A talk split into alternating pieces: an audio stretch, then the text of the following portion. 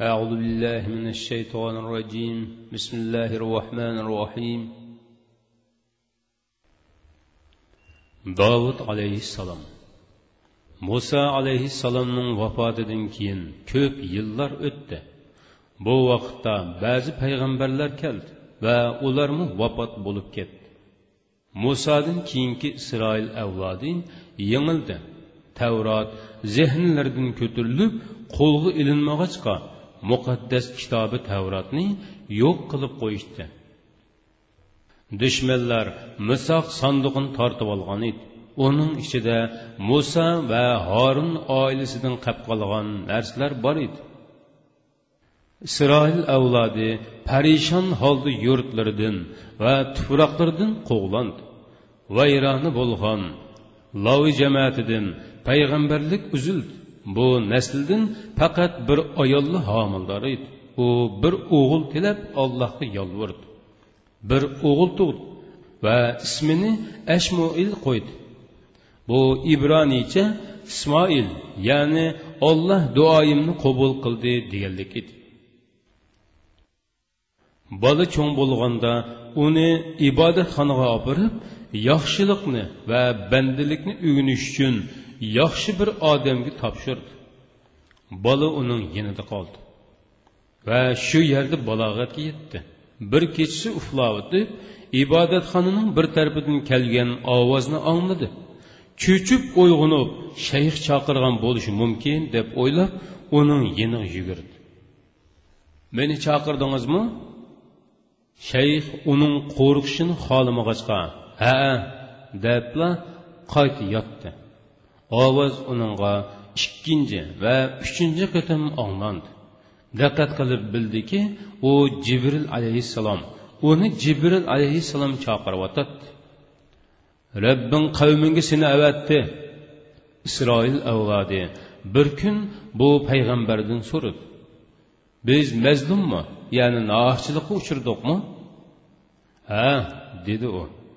Biz vayron holatdami ha bizni bir bayroq ostiga to'playdigan bir payg'ambar avatilsa olloh yo'lida urushib tuproqlarimizni va g'ururimizni qaytirib olatdiq deyishdi ular. Ularni yaxshi tushunadigan payg'ambari sizlarga jihod qilish buyurilsa rasulni jang qila olamsizlar dedi. Olloh yo'lida nimishqimi urushmayli nimishqa urushmaydi ekanmiz? Bizni yurtimizdan quvdidi bolalarimizni parishon qildi va ahvolimiz yomonlashdi deyishdi ular. Olloh sizlarga tolutni podsho qilib avatdi dedi payg'ambar. Tolut boy bo'lmasa va oramizda uningdan cho'ng boylar bor tursa podshohlikda biz uningdan bakrak loyiq tursak u qandoqlarchi bizning hukmronimiz bo'ladi deyishdi ular. Olloh sizlar uchun uni tanladi. Uni bilimlik va kuchli qildi. Olloh hukmdorlikni xohlagan kishiga berdi dedi payg'ambar. Uning hukmdorligining alomati qandoq deb so'rdi ular. Dushman sizlardan tortib olgan tavrat sizlarga qaytiriladi uni sizlarga farishtalar akiladi. Bu uning podshohligining alomati dedi payg'ambar. Bu mo'jiza amalga ishib tavrat bir kun ularga qaytib keldi. Tolut jolut bilan urushish uchun qo'shin to'plab hozirlandi jolut hech kim yengalmagan va tutolmagan zolim bir jangchi edi. Al qissa tolutning qo'shuni hozirlanib cho'lda va tog'larning orasida uzun yo'l yurdi. Askarlar usidi. Hukmdor tolut askarlarga yo'lda oldimizga bir daryo uchraydi. Agar kim uning suydin ichsa qo'shindan ayrilsin. Uningdan qong'ichi ichmay qo'li bilan tilin namdiganlar man bilan qolsin dedi.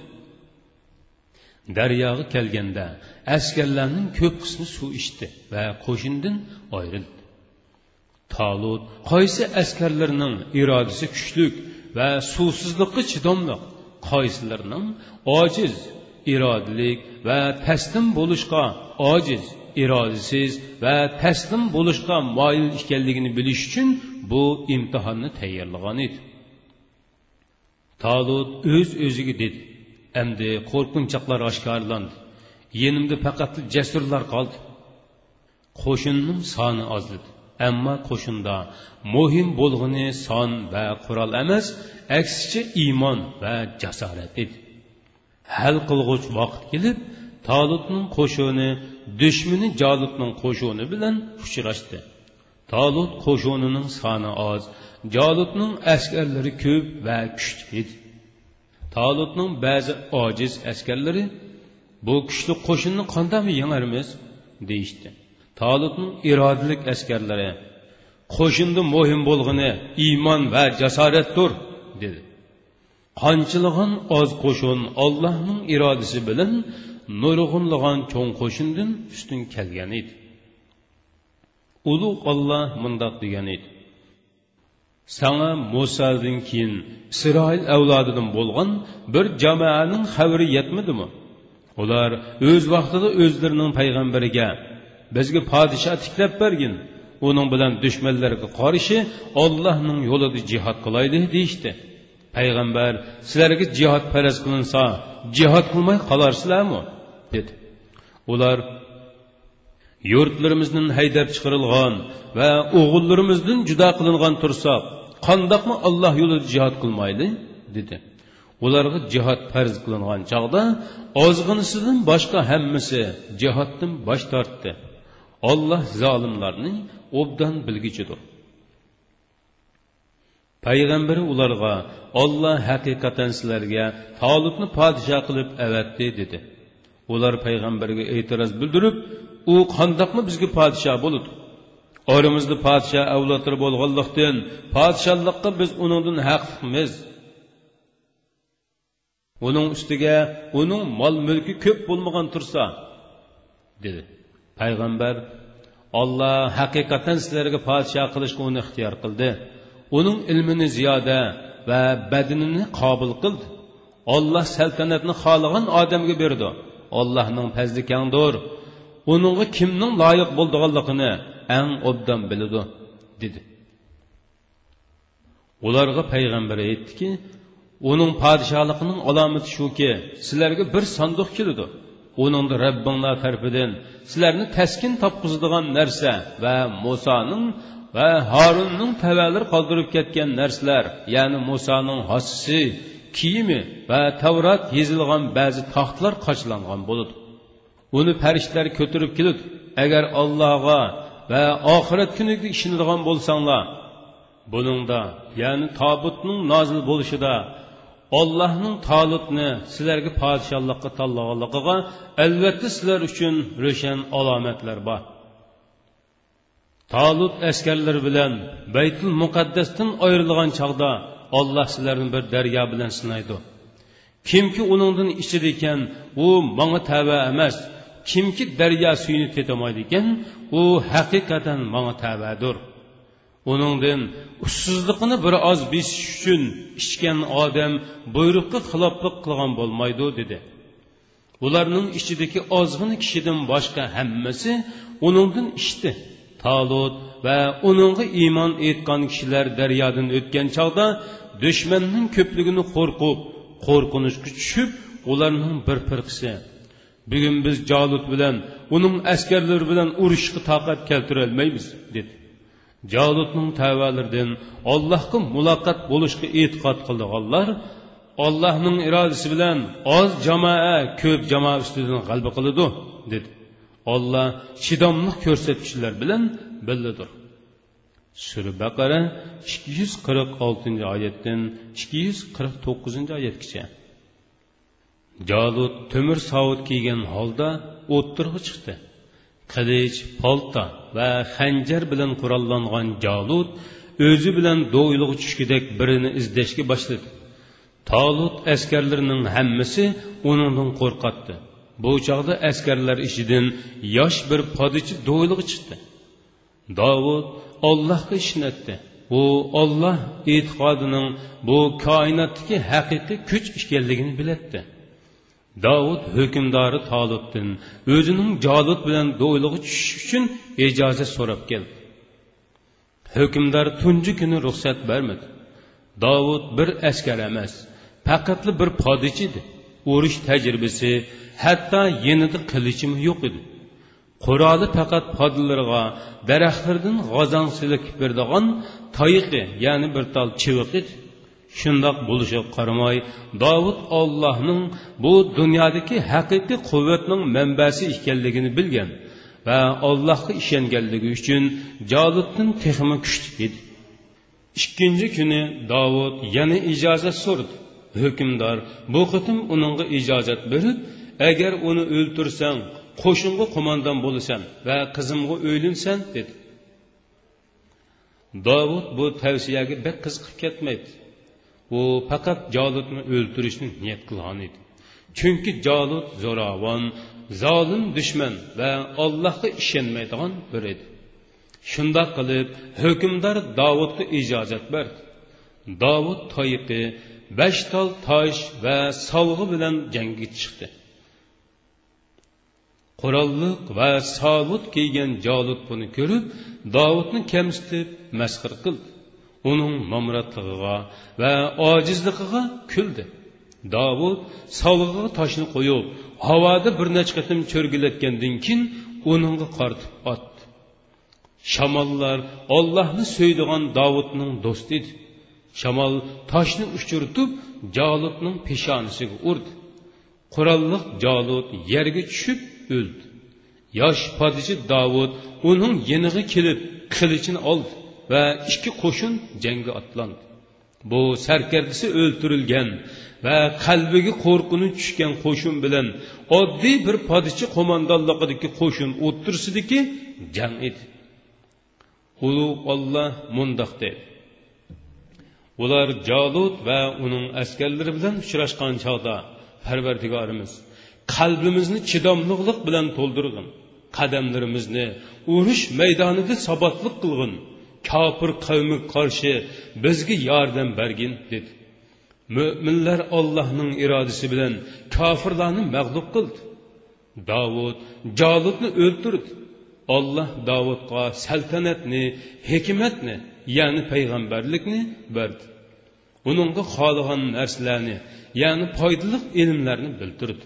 Olloh insonlarning ba'zisini ba'zisi bilan mudofaa qilib turmasa ya'ni kuchlik tajovuzchiga uningdinmi kuchlik bo'lgan birasini ofirida qilmasa edi yer yuzi albatta fasodga aylanadi ya'ni xarobilikqa yuzlanadi lekin olloh yomonlikni ustunlikka ega qilmaslik bilan butun jahon ahliga marhamat qilg'uchidir. Sura baqara ikki yuz elliginchi va ikki yuz ellik birinchi oyatlar. Dovud joludni o'ltirgandan keyin qavmining ichida tizli shuhrat qozonib isroil avlodining ichida eng mashhur kishiga aylandi. Qo'shin qo'mondoni va hukmdorning kuyovli bo'ldi. Lekin davud bular qiziqmaydi. Shuhrat sharaf mansabga berilmadi. U olloh so'ygisining haqiqiy quli edi. Davudga favqulodda go'zal bir ovoz berilgan edi. Davud totli va mo'jiza bo'lgan ovoz bilan ollohga tasbih etdi. Shuning bilan joludning yengilishidan keyin davud g'oyib bo'lib tabiat qo'yniga qaytib ketdi. U yerda sof tabiatning qushig'ida yolg'iz ollohga ibodat qilib kechalarni uyqusiz o'tkazadi. Ulug' olloh mundoq degan edi. Biz davudga dargohimizdan haqiqatan fazli ya'ni payg'ambarlik zabur tog'larning va qushlarning bo'ysunishi to'mirning yumshoq bo'lib berishi sovut yasashni bildirishlar qatorliqlarni ato qildik. Ey tog'lar ey qushlar davud bilan birlikda tasbih etinglar dedik. To'mirni davudga yumshoq qilib berdi biz uningga aytdik. Mukammal savutlarni yashig'in savutlarni yasashda xalqlarni bir biriga teksh qilgin. Ey davud oilasidagilar yaxshi ish qildinglar. Man haqiqatan sizlarning amallaringlarni ko'rib turg'uchiman.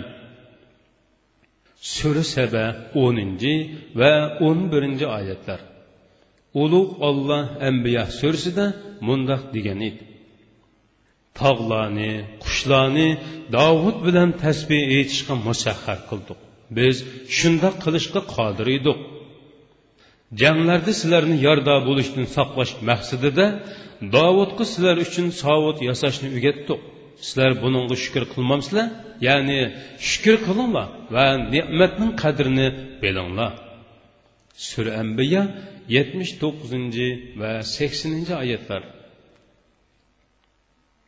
daraxtlardan qaynab chiqqan sharbatlar uning xush ovozli tasbihiga javob beradi tog'lar uning tasbih ovozidan titraydi. Inson vijdoni bilan qushlar vahshiy hayvonlar va tog'larning tiqqiyolari orasidagi parda ko'tarilgan edi. Bularning hammasi ollohga tasbih va zikr qilib tang nag'ma qilishadi davud boshqa maxluqotlarning ovoziga qo'shila oladigan yaqinliq bir ovozga ega bo'lib hatto biz uning tog'lar va qiyolarning aks sadosidek xush ovozining borlig'ini tasavvur qila olamiz davud o'ltirib allohga tasbeh aytganda jonliqlar jonsizlar ichidan ayrilib ularning ollohning ulug'lig'ini madilaydigan sirini o'ttirib chiqaradi ular dovuddan chiqqan nag'maga tankash qilishadi. Olloh davudni payg'ambar qilib tanladi. Uningga jabrni berdi ulug' olloh mundoq degan edi. Davudga jabrni ato qildik. Sura isra ellik beshinchi oyatning bir qismi. Jabr tavratga o'xshash muqaddas kitobdir. Davud ollohning kitobini o'qib ollohga tasbih aytsa tog'larmi birlikda tasbih aytadi qushlarmi uning uchun to'planadi ulug' olloh mundoq degan edi. Dinda kuchlik bandimiz davudni eslagin u haqiqatan allohga itoat qilg'ich edi. Biz haqiqatan tog'larni davudga bo'ysundirib berdik. Ular davud bilan adigini oqshimi tasbih aytadi qushlarnimi uninga bo'ysundirib berdik ularmi taraf tarafdan to'planib davud bilan birga tasbih aytadi tog'larning qushlarning hammasi ollohga itoat qilg'uchidir davudning saltanatini kuchaytdik uningga hikmat va hamma odam tushunadigan rushan so'z iboralarni ato qildik surasat o'n yettinchi oyatdan yigirmanchi oyatgacha. Cho'l ufuqlar bilan uchrashmog'idek darajada bepoyon ko'rinadi. Mana davudning ro'za tutadigan kuni keldi. Podsho bo'lgan payg'ambar bir kuni ro'za tutib bir kuni tutmaydi. Bu zamonning ro'zisi deyiladigan ro'zidir u zaburdan oyatlar o'qisa uning bilan billa tog'larmi tasbih etatdi uning ovozining aksi uning anglag'uvchisi bo'lmasdan dal u ovozning aks sadosidan iborat edi. Ba'zida dovud to'xtasa tog'lar tasbihni tamomlaydi. Tog'larla emas qushlarmi tang tasbih aytadi davud muqaddas kitobni o'qishga boshlasa qushlar vahshiy hayvonlar va dal daraxtlar uning atrofiga to'planadi. Tog'lar tasbihga jur bo'ladi. Tog'larning va yoki qushlarning uning bilan birlikda tasbih aytishining birdan bir sababi davudning durustligida emas edi. Ham boshqa maxluqlarning uning bilan birlikda tasbih etishining birdan bir sababimu uning ovozining yiqimliqligi bo'lmasdan ollohga ixlos bog'lagan bu buyuk payg'ambarga olloh tarafidan berilgan mo'jiza edi buningdan boshqa olloh uningga qushlarning va hayvonlarning tilini tushunish qobiliyatini bergan edi u bir kuni o'ylanib o'ltirib ikki qushqochning bir biri bilan so'zlashayotganligini angladi va ularning nim deyishayotganligini tushundi. Olloh uning qalbiga qushlarning va hayvonlarning tilini tushunadigan nur solgan edi. Davud hayvonlarni va qushlarni so'yatdi ko'yinatdi ularni boqatdi.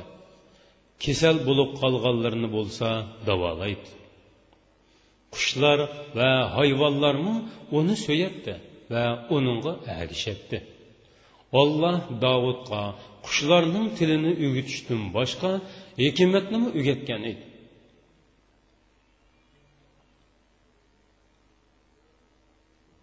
Olloh davudga bir narsa o'rgatganida yoki uningga bir mo'jiza berganida davudning ollohga bo'lgan sevgisi shukrisi iymoni va ibodati kuchayib boradi oxirida u bir kun ro'za tutib bir kun tutmaydigan holga keldi.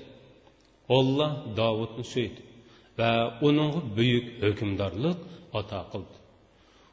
U davrdagi janglarning ko'pligi qavmning eng cho'ng masalalaridan biri bo'lib to'mirchilar yosig'on to'mir savutlar bak ig'ir bo'lg'achqa jangchilarning erkin harakat qilishiga yoki jang qilishiga biyat edi.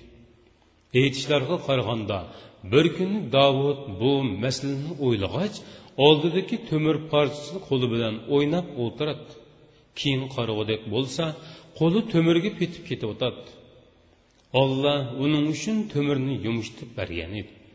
U darhol temirni kesib uningdan bir biriga o'linadigan kichik shakllar yasashga boshladi. Putgandan keyin oldida to'mirdan yasalgan yangi bir savut paydo bo'ldi u shundoq bir to'mir savut ediki uni kiygan jangchi erkin harakat qila oladi vujudini qilich palta va xanjarlardan qo'g'diy oladi bu o'z zamonidagi mavjud savutlarning eng ilg'ir bo'lib to'mir halqalardan yasalgan edi bu haqda mundoq deyilgan olloh buning uchun to'mirni yumshatdi. To'mirning o'tda eriydiganligini va uningdan minglarcha shakllarni yasag'ili bo'ldiganligini tunji qitim kashf qilgan kishi davud alayhissalomdir. Biz bu fikrga bakarak ishonamiz. Davud allohga shukur qilib sajdaga beshini qo'ydi. Shuning bilan yangi savutlar ko'plab yasalishga boshladi.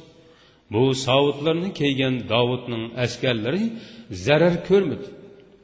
Davudning dushmanlari ya'ni dushman askarlari qilichlarning bu savutlarga o'tmayotganligini o'zlarining savutlarining ig'ir bo'lganning ustiga qilichlarni to'sib qololmayotganligini his qilishdi.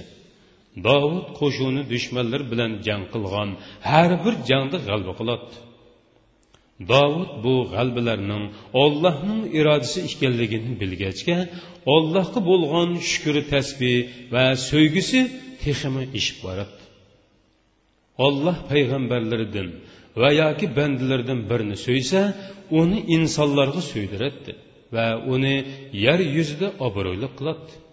Qushlarning hayvonlarning va tog'larning so'yguniga o'xshash insonlarmi dovudni so'yadi.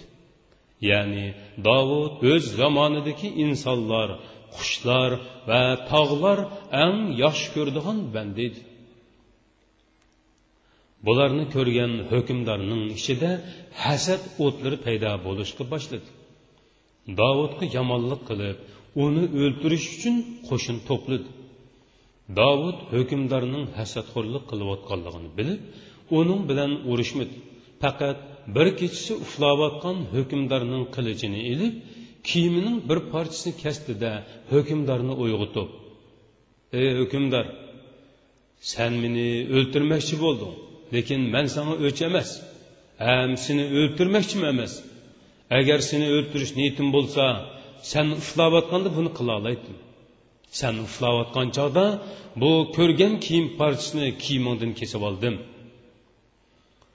uning o'rniga sening bo'yningni kesalaydim ammo man undoq qilmadim. Man hech kimga yomonlik qilishni xohlamayman. Man nafrat emas sevgi elchisiman hukmdor xatoligini tushunib davuddan apo so'radi. Davud uni tashlab ketdi. Kunlar o'tib bu hukmdor davud qatnashmagan bir jangda o'ldirildi chunki bu kishi davudga hasad qilib uning yordamini qabul qilmagan edi. Shuningdan keyin davud hukmdor bo'ldi. Kishilar uning to'hbalarini yaxshiliklarini aslashib uni o'zlariga podshoh qilib sayladi. Shundoq qilib davud ham ollohning elchisi ham podshoh bo'ldi. Davudning ollohga bo'lgan shukrisi ibodati va xayri ehson so'ygilari yo'qsillarga marhamati insonlarning bayoshatligi uchun ko'rsatgan tirishchanligi hassilab ochdi olloh uning hukmdorligini quvvatlantirdi. Uni doim dushmanlardan ustun qildi. Uning hukmdorligi shunchalik kuchli ediki dushmanlari urushmay turib uningdan qo'rqishadi. Olloh uningga ne'matlarini oshirib berdi. Uningga hikmat va kaskin hukm qilish salohiyatini berdi. Uningga payg'ambarlik va podshohlik bilan birlikda hikmat haq nohaqni ayirish haqni tunish va uningga yordam qilish kuchini bergan edi. Dovudning sulaymon ismli bir o'g'li bo'lib u kichkidilla aqlliq edi. Tovandagi vaqa maydonga kelganda sulaymon texi o'n bir yoshda edi. Ulug' olloh suri ambiyoda mundoq deydi. Davud bilan sulaymonning qissasini bayon qilgan. O'z vaqtida bir qavmning qo'yi kechisi ziroatini yeb qo'yib bo'zibyotganda u ikkisi ziroat to'g'risida hukm chiqargan edi. Bularning hukmiga biz shohid edik qandoq hukm qilishni biz sulaymonga bildirdik. Ularning har biriga hikmatni va ilmni ato qildik. Tog'larni qushlarni davud bilan tasbih etishga musahhar qildik. Shundoq qilishga biz qodir edik sura ambiya yetmish sakkizinchi va yetmish to'qqizinchi oyatlar. Bir kuni davud odati bo'yicha xalqning shikoyatlariga hukm chiqarish uchun o'tiratdi bir dehqon bilan bir chorvachi kelib arz sunishdi. Dehqon dedi ey payg'ambar bu kishining podlari kechasi mening beg'imga kirib bog'dagi butun uzumning soplarini yeb tugatdi. Manga to'lam to'lab berishga hukm qilishing uchun song keldim. Davud podshoga sening podlaringning bu odamning big'idagi barliq uzum soplarini yegani rostmi dedi. Ha podshoyim deb javob berdi podsho davud yeyilgan uzum soplari uchun uningga podlaringni to'lam qilib berishingni buyurayman dedi. Dodisining yinida vaqani anglab turgan olloh hikmat bergan sulaymon mundoq dedi. Ey ota mening boshqacharak hukmim bor.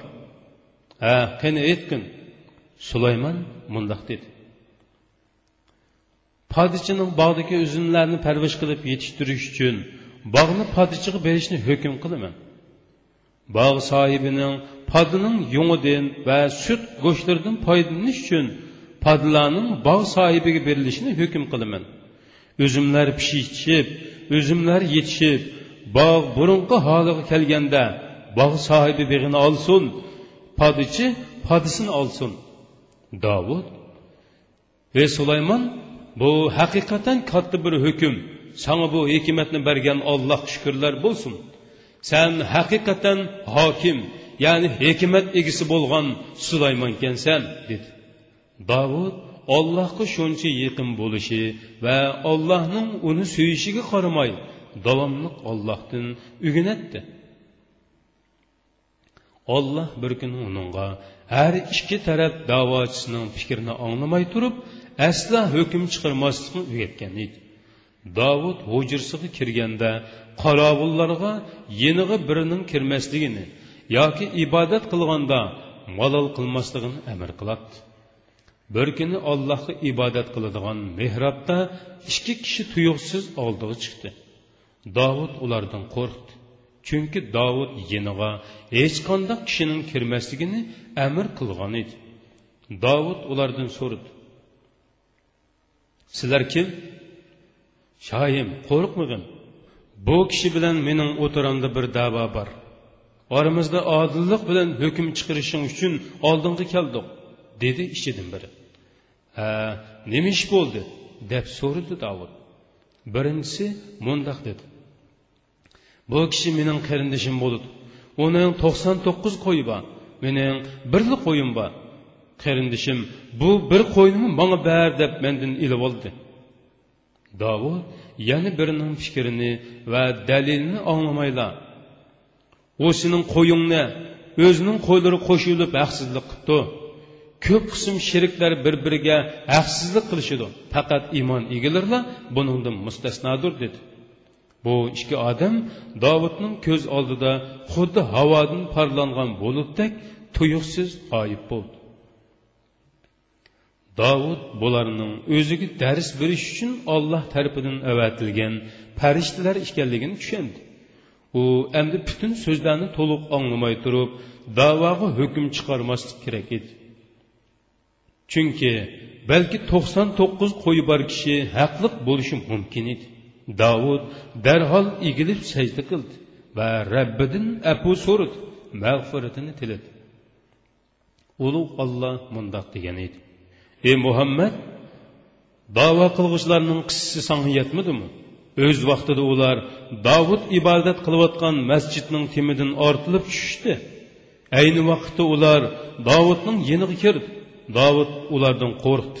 Ular davudga qo'rqmag'in biz birimiz birimizga chiqilgan ishga da'vogarmiz.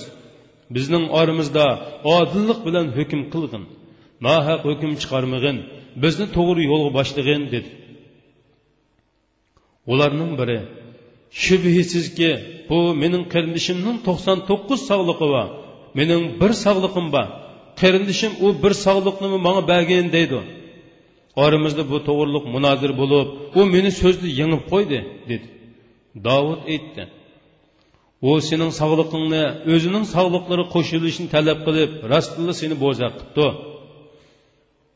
Nurg'un sheriklar ya'ni do'stlar shubhisizki bir biriga chiqiladi. Faqat iymon etgan va yaxshi amal qilganlarla bir biriga chiqilmaydi. Bular ozdir. Dovud bizning uni sinag'anligimizni bildi. Parvardigordan mag'firat talab qildi. Sajdaga bordi. Ollohga tavba qildi. Biz uning xatoligini afu qildik u bizning dargohimizda albatta yaqinliqqa va yaxshi oqibatga ega bo'ladi surasat yigirma birinchi oyatdan yigirma beshinchi oyatgacha yahuda afsonalari dovud haqida fitna terib kishini gumonlantiradigan qalaymaqon hikoyalarni to'qishgan edi ular mundoq deyishdi dovud qo'shin sarkardalaridan birining oyog'iga ko'z tushib sarkardini oqibatidan xavri bo'lgan bir jangga avatish yo'li bilan uning oyog'ini qo'lga tushirgan. To'qilgan bu hikoyani davudning fazilatiga moslashtirish hargiz mumkin emas. Qalbi allohga bog'langan tasbih iso jonliq jonsiz maxluqotlarning hammasi uningga qo'shilib tasbih etadigan bir kishining insonga xos go'zallikni faqat bir ayolning yuzi ya'ni chiroyi yoki vujudidan izlashi hargizmi mumkin emasdir. Haqiqiy go'zallikni alloh taoloning koinotlarida ko'rgan va uni o'ylayolaydigan tasbih etish uchun ollohga bo'yin ekkan kishining bir oyog'iga oldinishi mumkin emas. Dovud ollohning bandasi isroil avlodining aytqinidek qandoqdir hissiyotlarning quli bo'lishi mumkin emas albatta. Dovud vafot bo'lg'icha ollohga ibodat qilib va uningga tasbih aytib yashidi u bir kun ro'za tutib bir kun tutmaydi. Payg'ambarimiz hazrati muhammad sollallohu alayhi vasallam dovud alayhissalom haqida mundoq degan edi. Eng yaxshi ro'za dovudning ro'zasidir. U bir kuni ro'za tutsa yana bir kuni tutmaydi. Zaburni yetmish xil ovozda o'qiydi. Kechalari shundoq namoz o'qiydiki u namozda yig'lab ketadi uning bilan tang hamma narsa har narsa yig'laydi. Dardmanlar va kasallar uning ovozidan shifo topadi.